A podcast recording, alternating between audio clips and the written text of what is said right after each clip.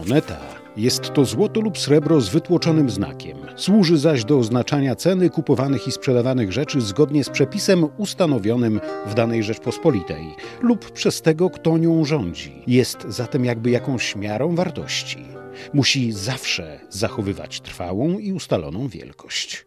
To słowa Mikołaja Kopernika zapisane w rozmyślaniach o reformie monetarnej Prus Królewskich. Kopernik opisał zatem zasadę mówiącą, że jeśli jednocześnie istnieją dwa rodzaje pieniądza, to ten gorszy będzie wypierał lepsze. To było właściwie spostrzeżenie, które już setki, a może i tysiące lat przed Kopernikiem można było zaobserwować, ale nikt przed nim tego nie opisał. Profesor Janusz Heller, ekonomista z Uniwersytetu Warmińsko-Mazurskiego w Olsztynie. Współcześnie niektórzy ekonomiści nazywają to nadmiar pustego pieniądza, który pojawia się na rynku, a zatem tego, który nie pochodzi z pracy, czyli więcej tego pieniądza, aniżeli normalnie na rynku mogłoby być, przyczynia się do tego, że ceny rosną. Ceny rosną czasami w dobrym tempie, a czasami w niedobrym. W czasach Mikołaja Kopernika to działało na takiej samej zasadzie? Zasada dokładnie taka sama. Ale moneta to przecież tylko kwestia umowna. Ale ta umowa polega na tym, że za każdym pieniądzem, za każdą umową kryje się jakaś określona wartość. Jeśli ma pieniądz pokrycie w towarze,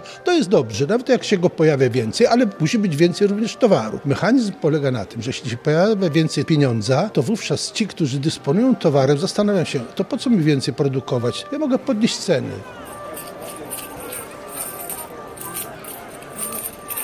A skąd u Kopernika wzięło się zainteresowanie ekonomią? Po pierwsze, wszystko wskazuje na to, że było to jedno z zadań zleconych przez ówczesnego biskupa warmińskiego, ale przecież Kopernik.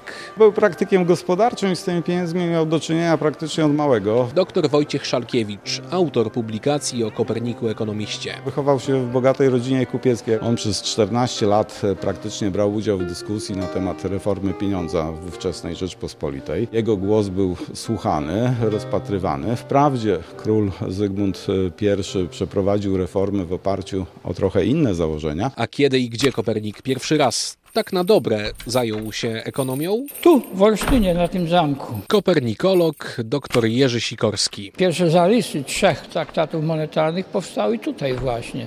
Jak on znajdował na to czas, tu przecież powstała pierwsza księga jego dzieła, więc był tu początek wszystkich jego zainteresowań, jakichś urealnionych później. Bardzo realne były też problemy, z którymi Kopernik spotykał się, pracując właśnie w Olsztynie. Z Olsztynem związana jest tak zwana taksa chlebowa, no, który jest takim poradnikiem, jak wyliczać koszty dla piekarzy, żeby ten chleb był, miał uczciwą cenę. Zatem o Koperniku, parafrazując pewne powiedzenie, równie dobrze można rzec wstrzymał słabą, ruszył mocną, głowę to on miał wszechmocną.